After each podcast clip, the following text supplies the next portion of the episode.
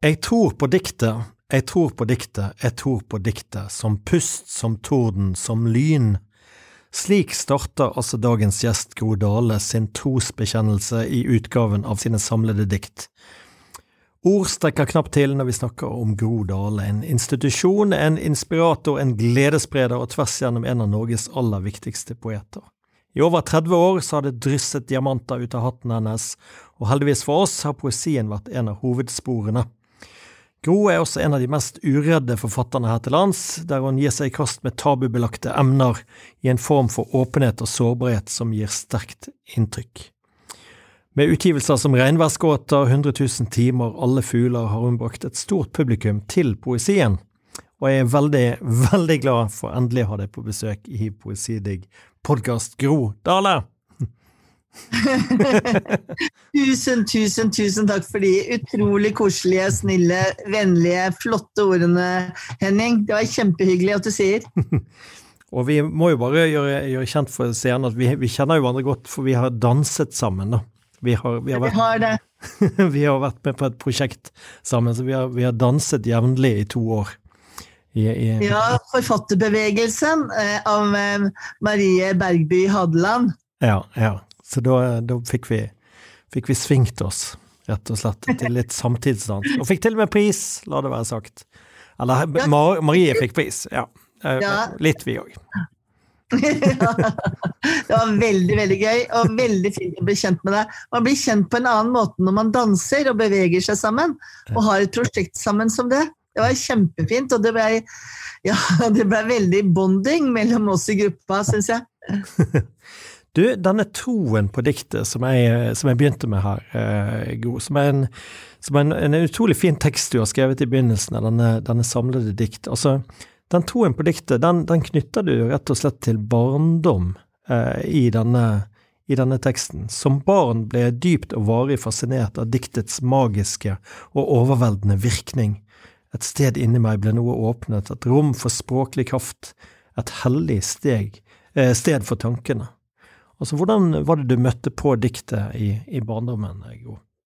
Ja, faren min var veldig opptatt av eh, de store dikterne, da. Eh, altså Vinje, Garborg og selvfølgelig eh, Mo, og, og, altså med den fanitullen eh, i hine håre dager da blant øldrikk og svir, Hallingdøren, ja, et eller annet med antrakkkniv og likskjorter og diverse. Det er kjempe, kjempekraftig og kraftfullt dikt. Og da jeg var liten, så pleide faren min da, hver gang vi kom opp på fjellet, eller hver gang han var glad, fått, fått til noe på jobben, hver gang han ja, når vi var i bilen, når han var, ja, noe han gledet seg til, da kom det en skikkelig deklamasjon Mm. Eh, og, og, da var det liksom en av disse her, og det var f.eks. Til deg du hei og bleike myr med bukkeblad. Der hegre stig og heilo flyg, jeg gir mitt kvad. Det er jo fra Haugtussa til Garborg. Og da jeg var liten, så skjønte jeg ingenting. Jeg skjønte ikke hva det betydde. Jeg skjønte ikke ordene.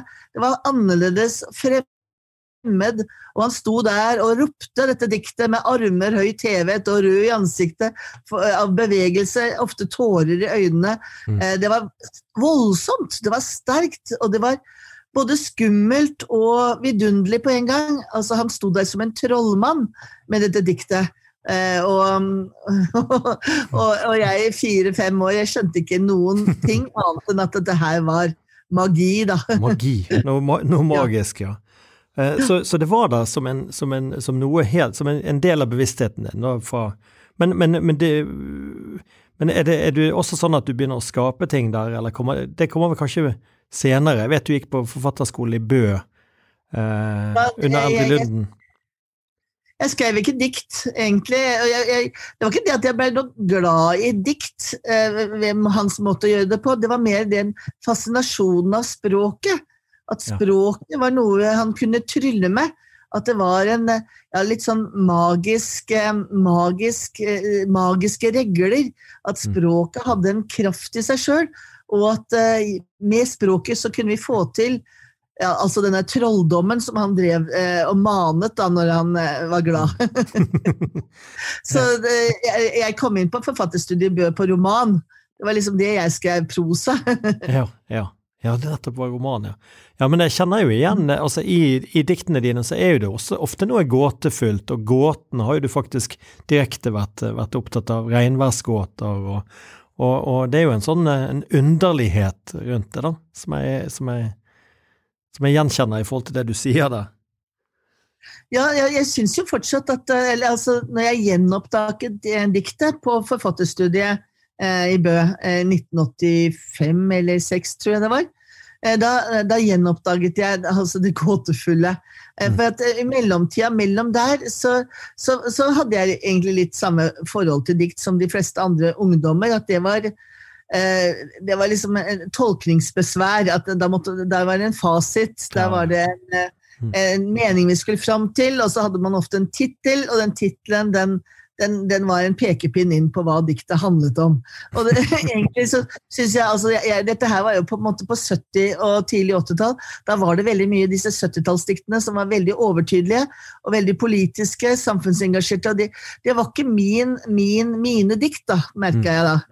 Men på forfatterstudiet i Bø da eh, møtte jeg på diktene til Arild Nyquist og Jan Erik Vold. Oh, og Georg Johannessen, da, selvfølgelig. Ja, ja, ja. Ja, Georg Johannessen har jeg faktisk tenkt på i forhold til deg, at, at det går en link eh, nettopp, nettopp i de spør, den spørrende tonen og, og, de rare sammenstillingene.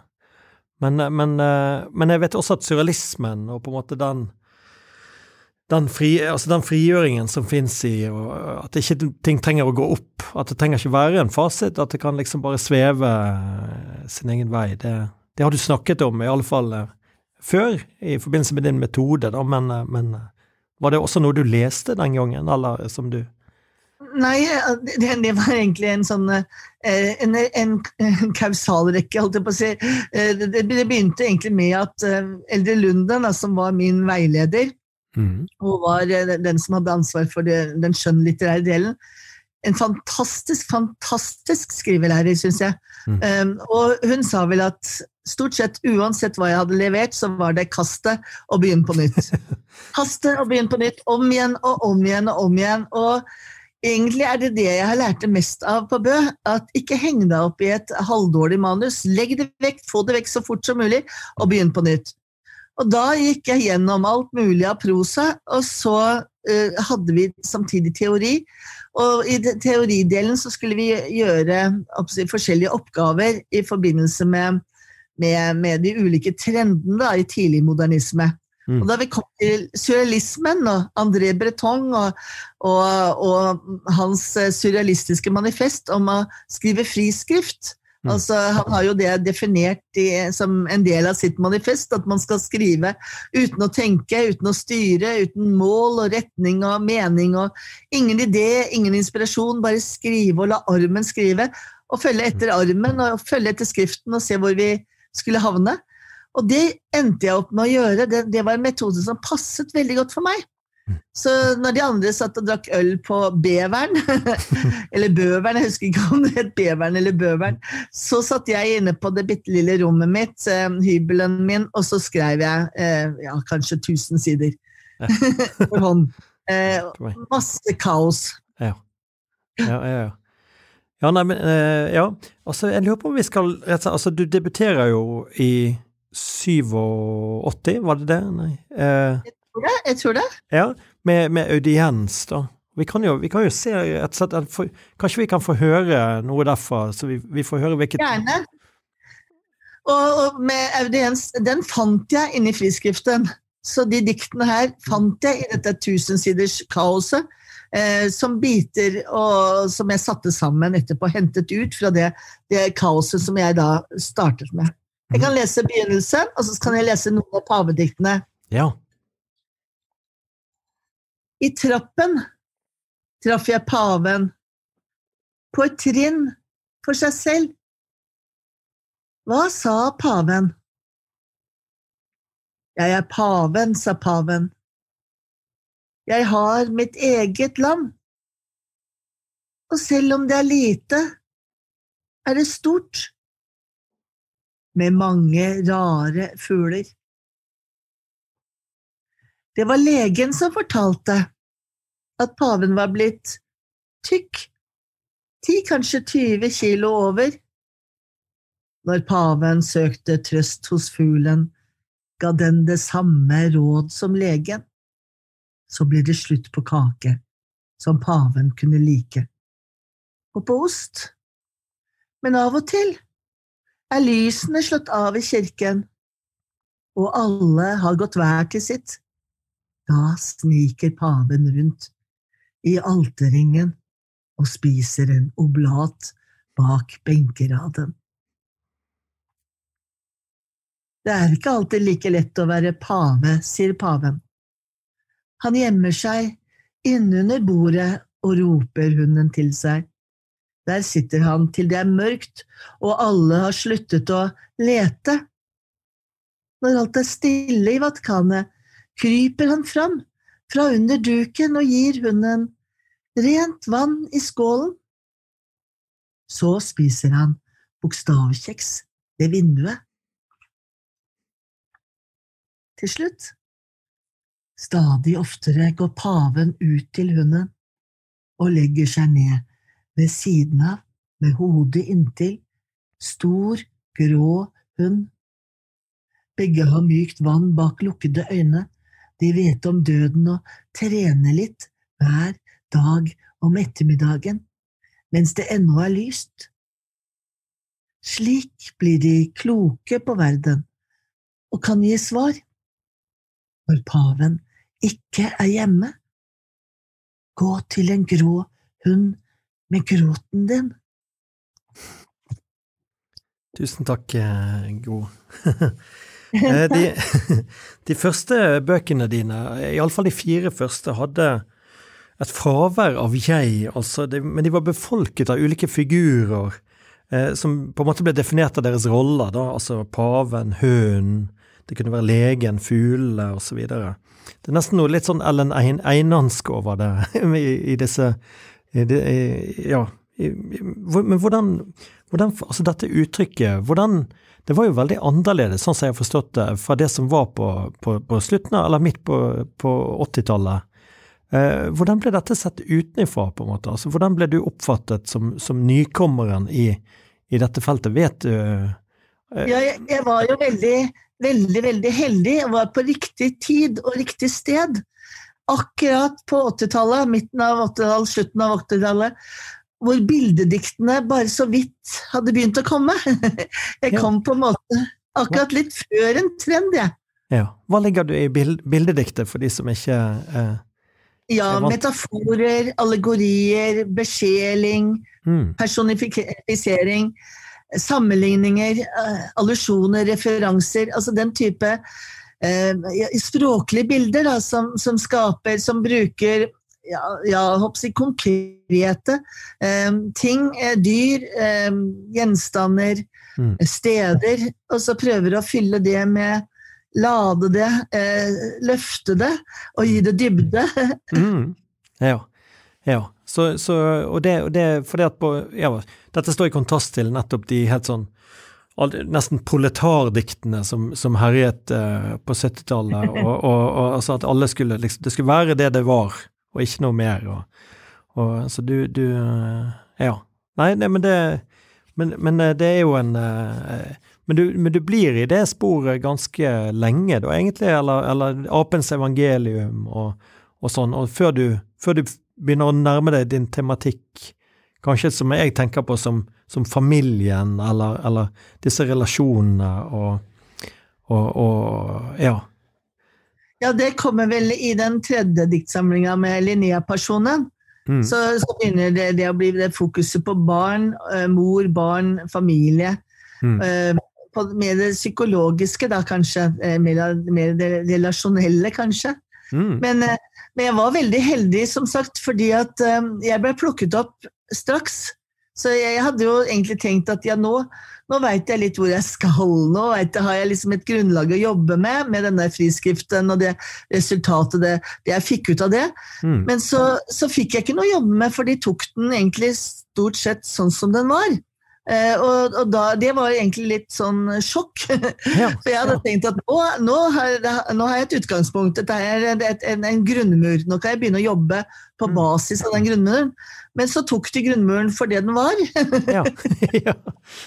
ja. Og så ble det aldri brukt, bygd noe mer på den første der. Egentlig så På mange måter så, så, så skulle jeg gjerne tilbake igjen dit.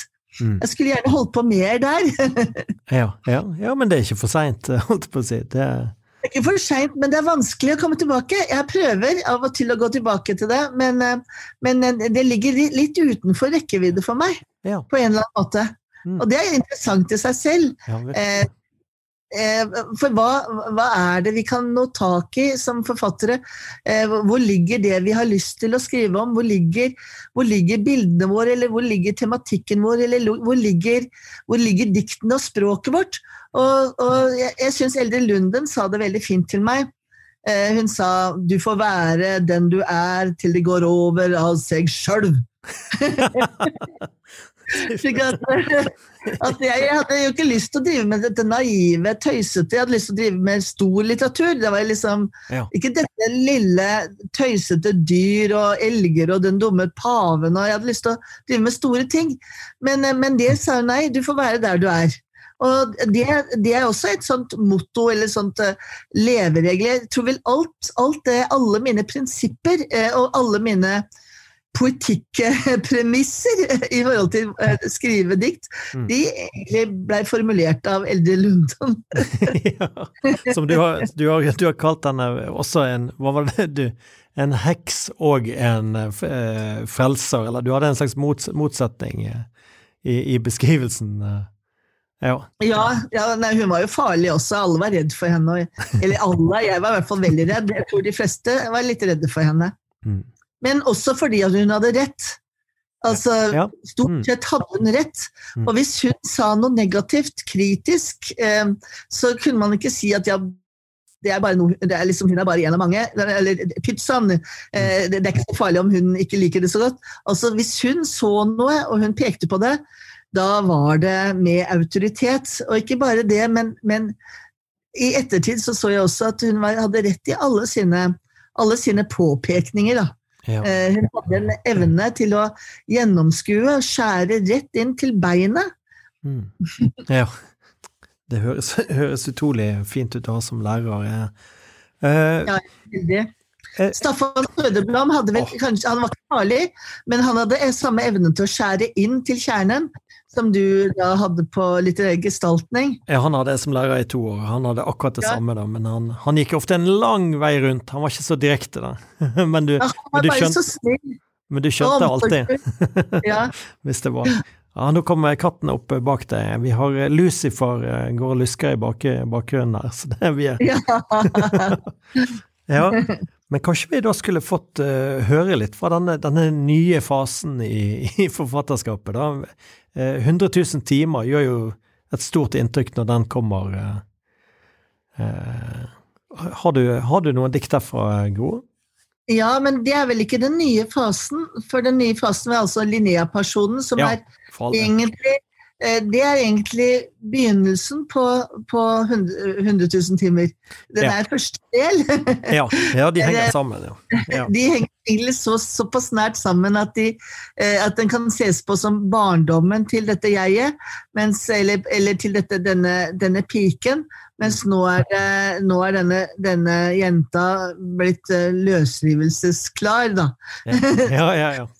den, er neste, den neste fasen på, på hennes historie, kan man si.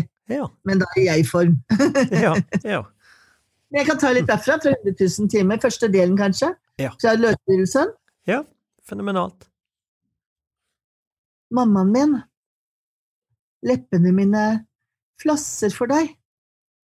Hendene mine, ørene mine.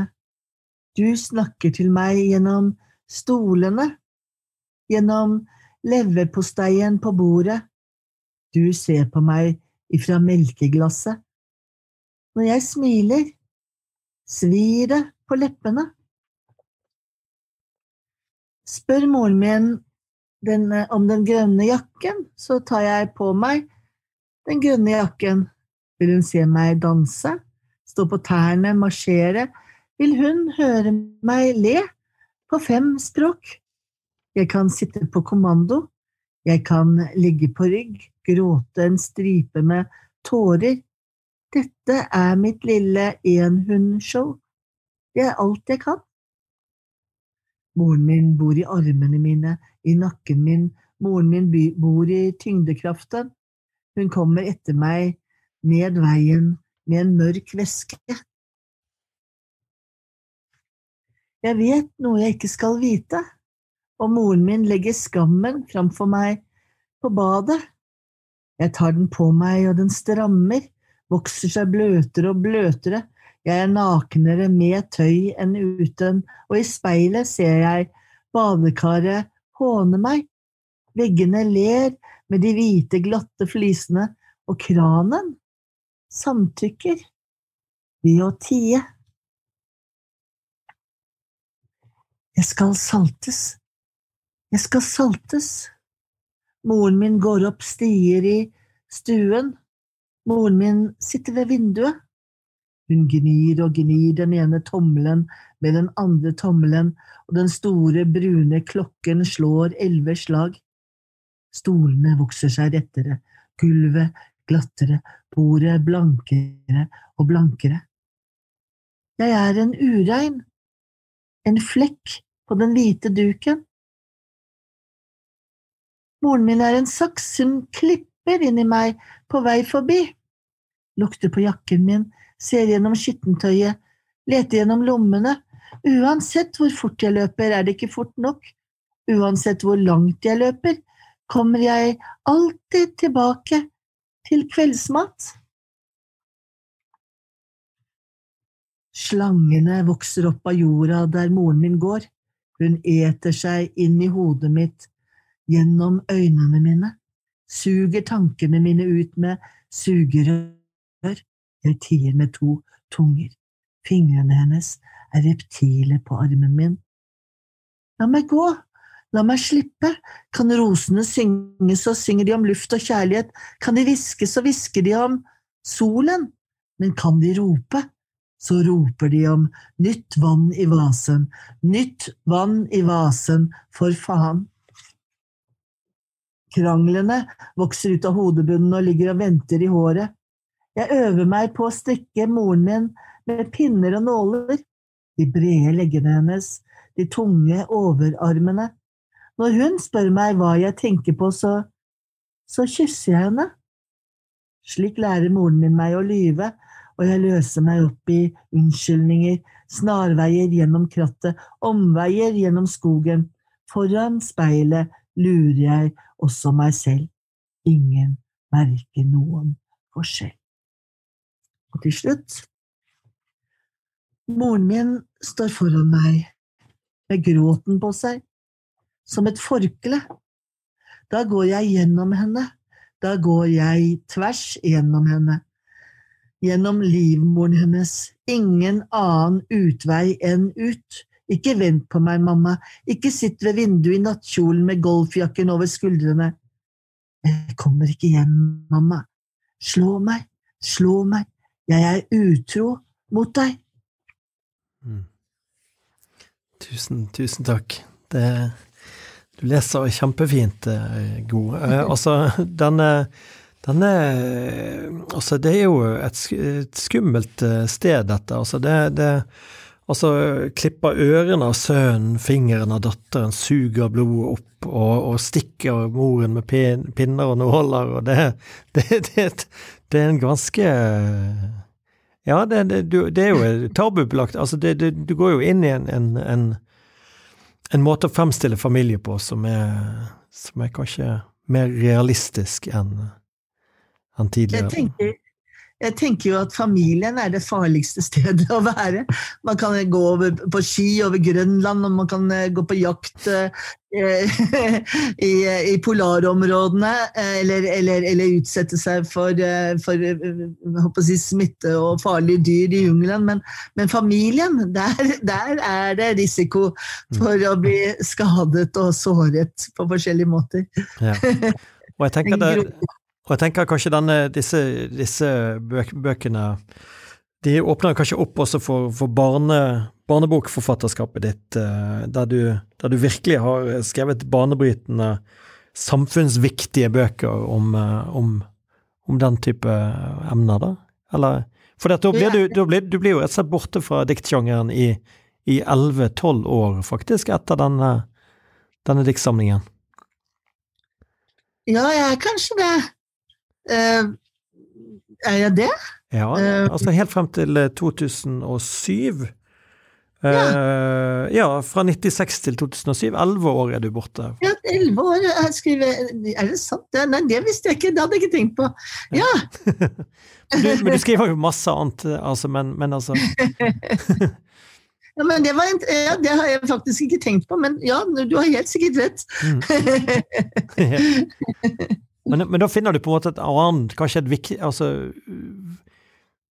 Kanskje enda mer original altså Det å skrive om disse tingene i barnebøker blir jo enda mer eh, Kanskje presserende for deg, da?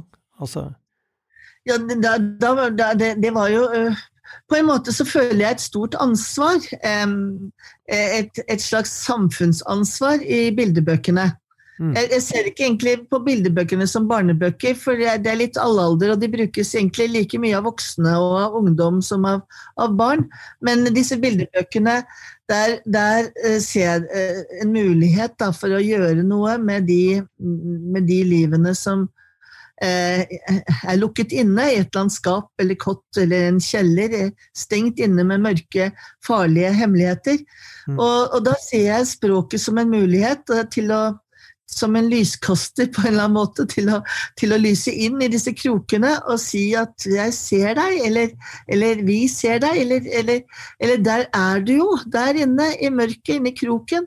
Og så her er det en liten sprekk på vei som du kan komme ut av, på en eller annen måte. Ja. Så jeg, jeg, tok, jeg, jeg, føler nok et veldig veldig ansvar, samfunnsansvar der, å bruke ja. språket på den måten. Jeg tror nok også at eh, diktbøkene dine også har hatt den, eh, den evnen til å, å, Altså, litt av grunnen til at altså, den har jo, Dine bøker har jo, har jo, veldig mange lesere, og jeg tror veldig mange gjenkjenner disse ambivalente følelsene. Altså de, de litt forbudte følelsene som man kan, kan, føle i forhold til mor og, og, og far, og eh, til og med sine barn. Altså at de, at de egentlig Ja. At det er mer, langt mer komplekst enn det man Ja, og jeg bruker nok eh, jeg, jeg, opplever nok diktet som en forskningsstasjon. Og jeg bruker nok diktprosjektene som forskning. Eh, og jeg tenker f.eks. den boka 'Søster'. Eh, der brukte jeg veldig, veldig lang tid på å spørre veldig mange mennesker om deres forhold til søstrene sine. Og noen, noen, hadde ikke snakket med søsteren sin på 40 år. Noen hatet søsteren, mens andre sa at den, den søsteren var viktigere enn mannen, enn barna, enn noen venner. Det er det viktigste mennesket i verden for dem. Det er jo veldig, veldig, veldig fascinerende hvordan både mødre, fedre, søstre og brødre kan være begge deler, eller, eller, eller enten-eller.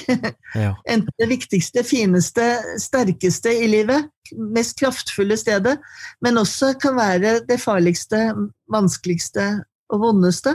Ja, ja det, det, handler jo litt om metoden din. Jeg må, jeg må bare si på til søster at jeg har jeg har valgt noen søstre i livet mitt, og jeg har bare fire brødre, så jeg har, har måttet liksom Vi bestemmer oss for at vi skal være søsken, da. Så jeg har noen To stykker som er mine søstre.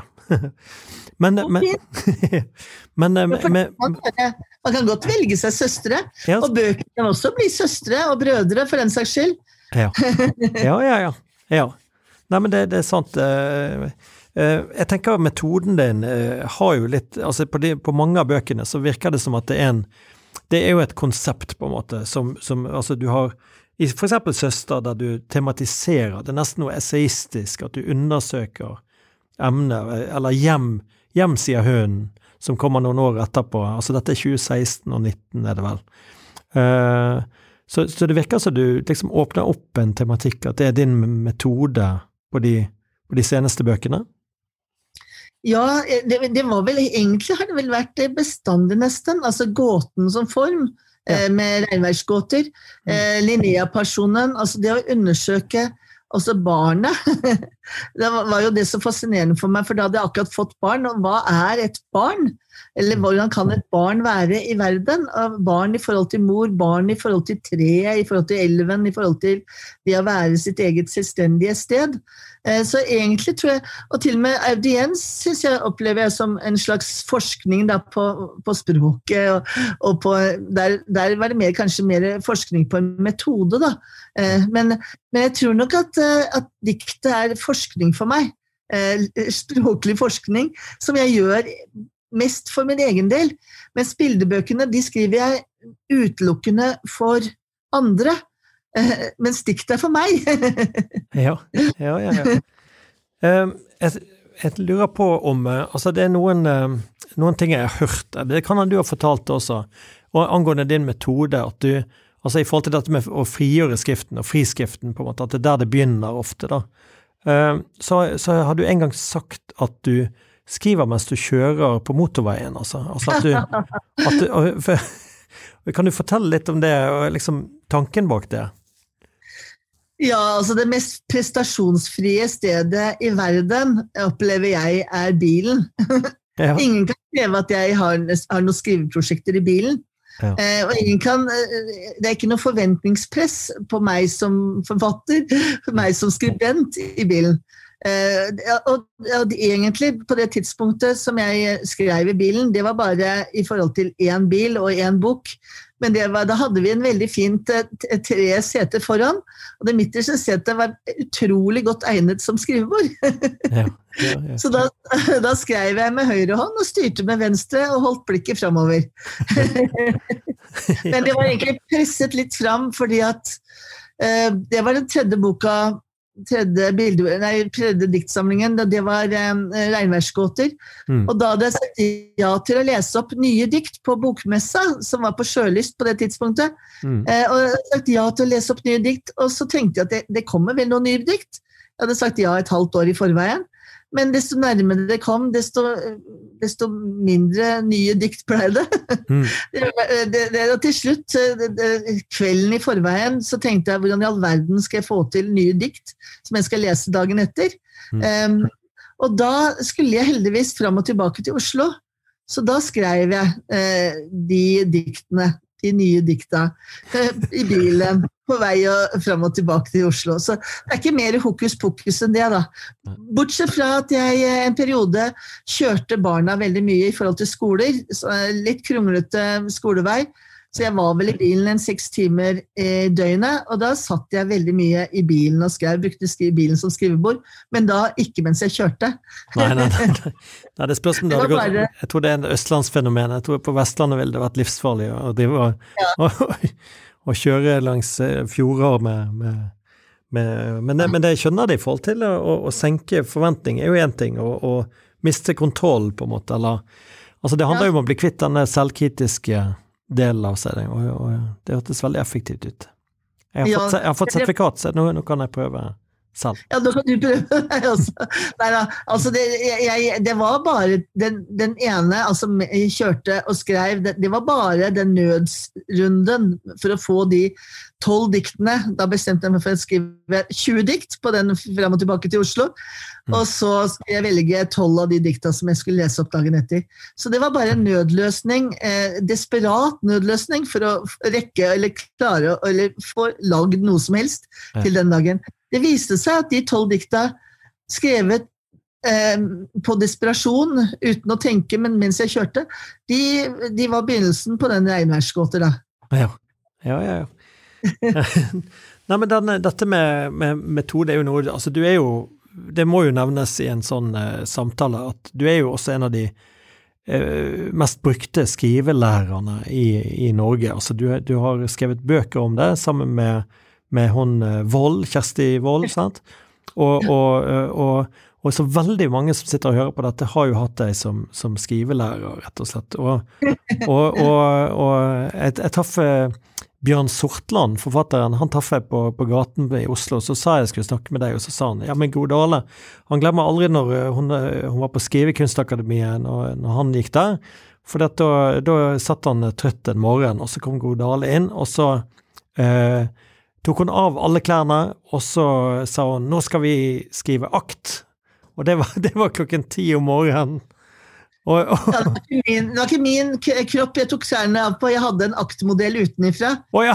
ja. Så det var, det var en, en kvinne, kvinne som var aktmodell, eh, Ja. pleide å for Kunstakademiet.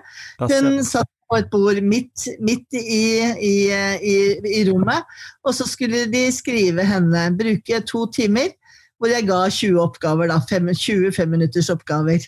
Ja, fantastisk. Det er jo veldig kreativt. Men der ser du hvordan historier de, de, Ja, de forandrer seg med tiden. men, eh, men, eh, men eh, dette, hvordan eh, Altså, denne, den du har, I og med at du har holdt på med det så lenge, men du greier liksom å motivere deg hele tiden for, for nye folk og, og Jeg syns det er fantastisk å kunne holde skrivekurs.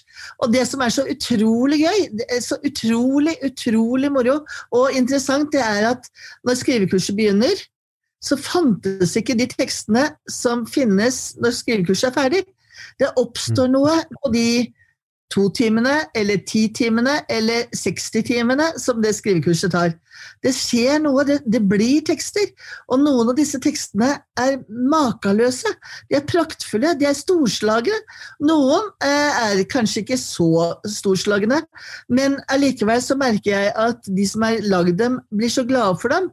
Eh, og at, det er, eh, at de på en måte finner en sti inn i et område eh, som åpner seg for dem. Så det skjer noe. Det er noe som mm, kommer i gang, da. Mm. Og så har jeg også veldig ofte jeg har, det, er, det er mange forfattere som jeg har én-til-én-skrivekurs med, når de har stoppet opp, og så har de tre dagers økt med meg, eller, eller ti timers økt med meg, hvor de skriver materiale til et skuespill, eller hvor de skriver materiale til en ny bok, eller skriver materiale til eh, et Mm. prosjekt. Så ja, det er i hvert fall en seks-sju forfattere jeg har sånn én-til-én med Ja. Ja. etablerte forfattere. Så, og, og så er det noen som går konstant på skrivekurs, eh, som er forfattere, som, som trenger nytt materiale, og bruker det som en måte å skrive videre på. Mm. Så det er en, ja, en eh, fem, fem et- etablerte forfattere som bruker skrivekurs på den måten. Ja. Det er fordi det er så mye lettere å skrive når man får korte, intense oppgaver, og, og, og er i et pressrom på den måten. Mm. Og så korte oppgaver at man ikke rekker å få skrivevegring og ikke rekker å få prestasjonsangst. Man må bare slenge ned, på, ned noe. Ja, ja. ja, nei, jeg husker sjøl, før jeg debuterte i, i 2000, så sendte jeg et eh, brev til deg, eh, Gro. Da sendte jeg Newfoundland, eh, de første diktene av min, eh, min eh, diktsamling, og så liksom Vil du se på dette og, og kommentere? Og, og, og du, du svarte og sendte fyldige kommentarer tilbake, og ikke minst entusiastiske små tegninger, eksempel en gris med et norsk flagg som ropte hurra på, på disse alvorlige diktene. Eh, så det var, det var en utrolig inspirasjon eh, for meg å se, og nok for mange. Både at også entusiasme er viktig, eller, eller at man får en eh, Men eh, det må jeg bare si nå, ikke send eh, manus til meg nå. Nei, nei, nei, nei, nei. da, dette var i 99, så det, det var Ja, og jeg husker veldig godt Newfoundland-diktene. Og det husker jeg, de husker jeg ekstremt godt. Noen av, disse, noen av de tekstene som kommer til meg, eh, noen ganger så er det rett og slett Da ser jeg diktsamlingen der. Og dette her var jo, var jo dikt som jeg, Da så jeg på en måte prosjektet, og da så jeg diktsamlingen. Og, og disse diktene var så egne, særegen stemme, så levende, så, så sterkt nytt, overraskende språk. Så ikke at der, det var jo jubel og magi å få det, de sidene der, Henning. Det var virkelig kjempe, kjempefint. Ja, jeg tror det iallfall ga meg motet til å gå videre med det, faktisk. Og, og det ble jo begynnelsen på noe, på noe som har fortsatt, så, så det takker jeg for. da. Eh, det, akkurat det der med å se tekster blir til, altså i skrivekurssammenheng, men også som konsulent. Jeg var konsulent, diktskonsulent på Cappelen i mange år. mm, Og da husker jeg på en måte, jeg husker spesielt godt en eh, opplevelse med f.eks. jeg fikk med et manus i hendene fra redaktøren min, eh, som var, fra, eh, var Pedro Camarón Alvarez. ja, Camarón Alvarez. Mm, Cam- Cameron, ja. Eh, Alvarez, og, og da eh, sa hun at han har sendt til mange forlag, Ja. så her må vi være raske. Mm. Eh, Du må gi svar så fort du kan. Og så satt jeg på toget fra Oslo til, Kjøm, eller til Tønsberg, da. Mm. Og så Asker, så gikk jeg av toget, så ringte jeg 'grip ham'! ja, ja, ja. Helter. Helter 1997. Helter. Å, den var så flott. Den er så flott. Ja da, og han endte jo med å få Tristan Vinterens poesipris nå nettopp. Jeg var med og delte den ja. ut. Og en pris du også har fått. Eh. Ja, ja, ja. Så, så men jeg lurer på om vi skulle fått en opplesning eh, nå. Altså, jeg ser det at vi er Jeg har nesten mistet eh, kontroll på tiden. Nå har jeg ikke peiling det, det, er jo bare så hyggelig og interessant. ja, nettopp. Ja. Uh, ja, da syns jeg kanskje det passer å lese fra Hjem, hjem hønen, uh, hvis du har Det er en To, ja. to dikt derfra, mm. for eksempel. Fenomenalt. Jepp.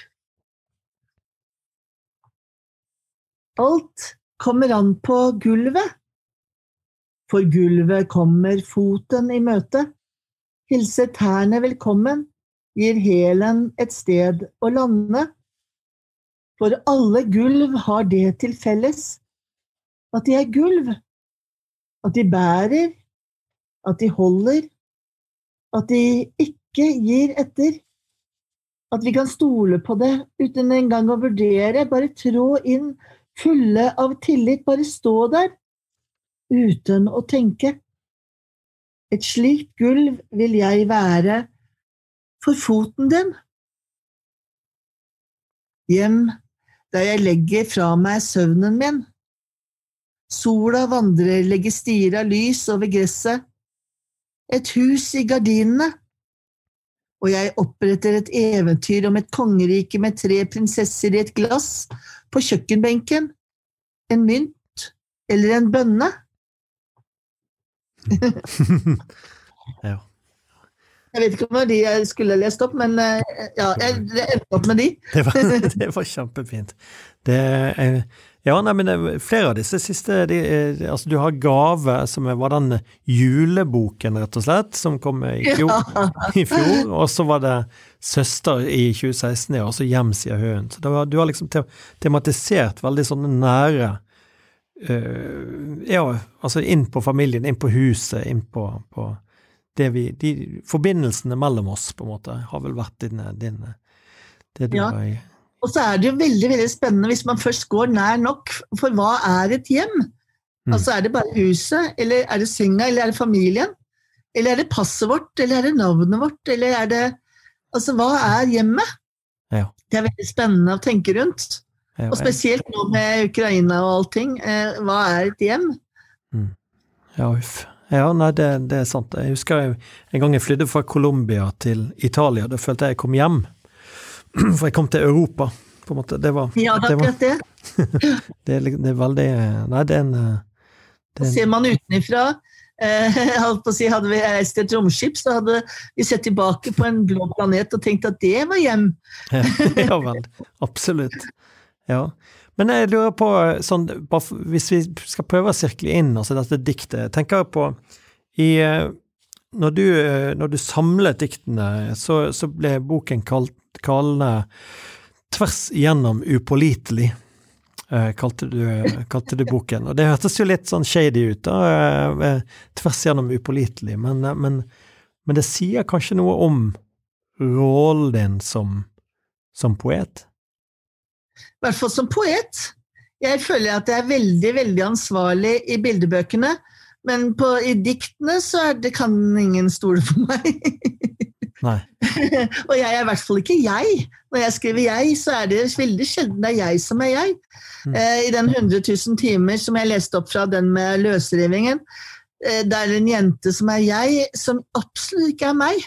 Mm. Eh, da trodde jo veldig mange at det var moren min og meg, og mange syntes synd på moren min, så de hadde skrevet sånne fæle dikt om henne. Mm. Men var, hun visste også at det var ikke jeg som var jeg, og det var ikke hun som var moren. Slik at uh, det tenker jeg altså, Veldig mange dikt har et jeg, et, et fortellende jeg, eller et, et jeg-ståsted. Uh, og, og, ofte, er, ofte, er, jo det jeget dikteren sjøl, men veldig ofte er det ikke det nødvendigvis. Og i mine diktsamlinger vil jeg si at jeget ikke er meg. Ja. I veldig liten grad er jeget meg. ja. Nei, Det er forbausende liten forståelse for det, eller, eller få, det er veldig få som bruker jeget på den måten. Altså at det er som, som, i prosaen, på en måte. At det er en, en karakter, en figur. Det, det, ja. Og sånn sett um, er det, det er ofte iscenesettelser av et jeg, for min del. Eh, slik at eh, det jeg det, Jeg prøver å skape en sammenhengende stemme. Og jeg prøver å finne et ståsted, og veldig ofte et litt mørkt ståsted, for jeg syns det er så mm. veldig mye mer interessant, og, og, og også eh, gøyere å skrive ut fra et, et mørke enn ut fra det lyse.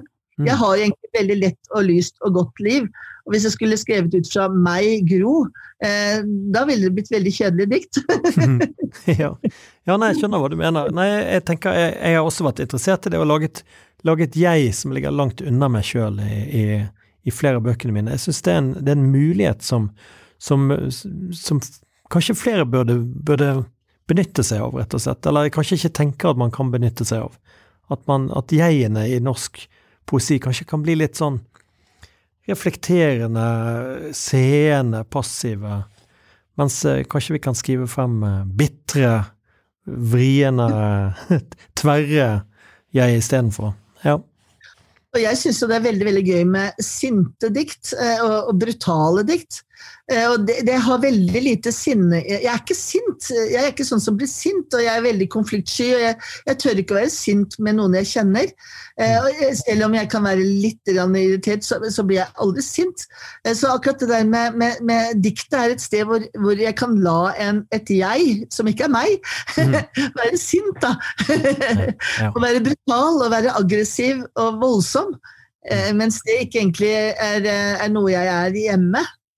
Ja. ja, ja. Men kanskje det er nødvendig? Altså at, en, eh, at, man kan legge noe av livet sitt i det, og så, og så kan det få lov til å være der. Og at man slipper å, å Ja. Ja, og derfor upålitelig. Ja. Ja. Altså, det, det, ja, ja. det, det er upålitelig at du kan ikke stole på det. På dette diktet kan du ikke stole på. Mm. Det diktet, det, det kan lure deg. ja. Man er en historieforteller, en joker, nærmest. Ja. Ja. ja. Eh, jeg tenker, hvor, hvor, tror du at du eh, er på, er på, vei? Altså, jeg vet at allerede til høsten så skal du da komme med en ny eh, diktsamling. Du er virkelig inne i et, et sig nå, Gro. Altså, du har, du har jo produsert uh, veldig mange diktsamlinger nå på kort tid. Eller det virker som at, at dette er sporet ditt nå, egentlig. Stemmer det? Altså at, at det er der du liksom har fokus? Diktet er alltid der hvor jeg begynner. Eh, enten det er bildebøker eller det er eh, prosa, eh, romaner eller noveller, så begynner jeg alltid med dikt som form. Mm. Mens romanene mine, f.eks. 'En hus i snøen', den, da tenker jeg, altså Du sa at jeg ikke hadde skrevet dikt på elleve år. Mm. og da tenker jeg det er fordi at jeg putta diktene inn i romanene. For ja. 'Hus i mm. snøen' den består av seks diktsamlinger. Eh, som jeg da har fletta Seks uferdige, eh, ja. uforløste uf diktsamlinger som da jeg lagde den romanen ut av. Og, og, også den Jeg vil nok si at en god del dikt eh, havna i, i både 'Blomsterhandlersken' og, og i eh, eh, 'Dobbelt dyne'. Ikke så mm. mye i de store, tjukke science fiction-romanene, men i, de, i de, de, tre første romanene. Og novellene mine er også veldig ofte dikt som er satt sammen til noveller. Ja. Så det, det er, jeg starter veldig sjelden med prosa, jeg starter nesten alltid med diktet. Så, det, så diktet ligger i nærheten av den friskriften? Altså, altså ja, det, det, hører sammen? Ja, for der, der finner jeg punktene, da. Og så henter jeg ut punktene, og så smurer jeg det sammen punkt for punkt. Og så mm. blir det plutselig Så kan jeg få til prosa. ja, ja, ja. ja kanskje det. ja, det, det, det, er kanskje sånn man skal nærme seg prosaen, ja. At det, ja. ja, det, det, det er nødvendig, det òg. Ja, litt sånn ta det man har. Og så er ikke jeg eh, Det vil si, jeg, jeg, det analytiske mitt, eh, språket mitt, det egner seg ikke til skjønnlitterær skriving. Så jeg er ikke så god til å skrive prosa-linjer. Jeg må lage punkter. Eh, så, sånn mm. så, så, så, bygger jeg på en måte veldig ofte opp prosaen med punkter, og så skriver jeg det sammen til slutt. Ja, jeg skjønner. Men denne, denne, samlingen som vi da ikke har sett ennå, hva, hva, hva, er det for noe? Hvis, kan, hvis, vi kan liksom ha et scoop her nå i, i Poesidigg podkast? Kommunedikt. Eh, kommunedikt, eh, kommunale dikt er det. Ja, men det er da ser jeg se på kommunen med diktbrillene på. Det er bra. Vi, er, vi er sponset av Bergen kommune her, så det, det, det støtter vi. Ja, ja. Den- heter 'Elskede grøftekant'. ja. Hadde det gått an å ja det, hadde vært, ja, det hadde vært fantastisk. Skal vi se om eh, Jeg lurer på om jeg starter. Å, kommunen min, kjære, lille, dumme kommunen min. Jeg prøver å ikke glemme at også grevlingen er en del av kommunen, og elgen og rådyret og reven og fuglene. Det er så lett å tro at kommunen bare er et hus med en parkeringsplass. Så tar jeg noen til herfra. Mm. Men hva med sneglene, da? Hva med sneglene i gresset? De store, klissete brunsneglene, er de en del av forvaltningen? Er de med i vårt felles pronomen, dette store vi-et, en tråd i veven? Og hvem passer på fuglene? Hvem holder rundt bregnene, soppene, trærne? Kommunen? Passer virkelig kommunen på trærne sine? På billene, på sommerfugler, møll og humler? Disse trofaste sesongarbeiderne som jobber så hardt for fellesskapet vårt? Hvem har tatt trærne våre? Hvem har tatt trærne? Den store furua ved barnehagen, lindetreet ved skolen, lønna i sentrum, lønna i svingen, bjørketrærne står uten armer langs veien, kirsebærtreet, den store aska. Jeg gir dem navn, hilser på dem på vei forbi. Margrete, Torvald, Bjørn Erik, Idun, Anlaug, Minna, Vibeke, Karen, småsøstrene, ostefamilien, en gruppe svartord, hasselkrattet, de spinkle rognebærtrærne, et helt samfunn av trær. Og røttene strekker seg dypt innunder statsforvaltningen, et fellesskap av greiner, kvist og skudd, med lokalt selvstyre. Og jeg har bestemt meg for å stemme på lønnetreet nede i svingen på neste kommunevalg. Det fine lønnetreet, det vennlige lønnetreet, det har sett mennesker passere, årstider skifte, somre med tørke, somre med regn, snø i mai uten å bli redd.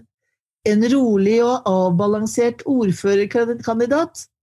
Ospene prater for mye når det blåser, rognebærtrærne skryter av bærene sine, svartoren står der i skyggen, men lønnetreet derimot vil kunne bære kommunen på armene og løfte blikkene våre opp mot trekronene. Kan stoppe der. det er det nyeste dikta. Ja, det er en fin, eh, fin avslutning, det med, med lønnetreet der, som, som bærer oss videre i dagen. Det har vært en, en stor glede å ha deg på, på besøk, eh, Gro, og, og håper, håper du eh, har hatt en fin, fin time her. Det, Tusen, tusen takk, Henning. Tusen takk. Så så vi, vi må takke Bergen kommune, da. Kommunen med alle ekornene og sneglene og alt her som har, som har støttet oss. Og så snakker vi eh, Norsk kulturråd, og så håper jeg at folk går inn og hører på de andre programmene som ligger i arkivet. Det er mye rart der. Vi kan jo høre eksempel Pedro Carmon Alvarez som forteller om eh, når han debuterte med Helter, som vi snakket om i dag. Så eh, vi, Andreas Gravdal sitter her og har ansvar for lyden, og så må du ha en kjempefin dag, eh, Godale. Du og Henning og du og Andreas og kommunen.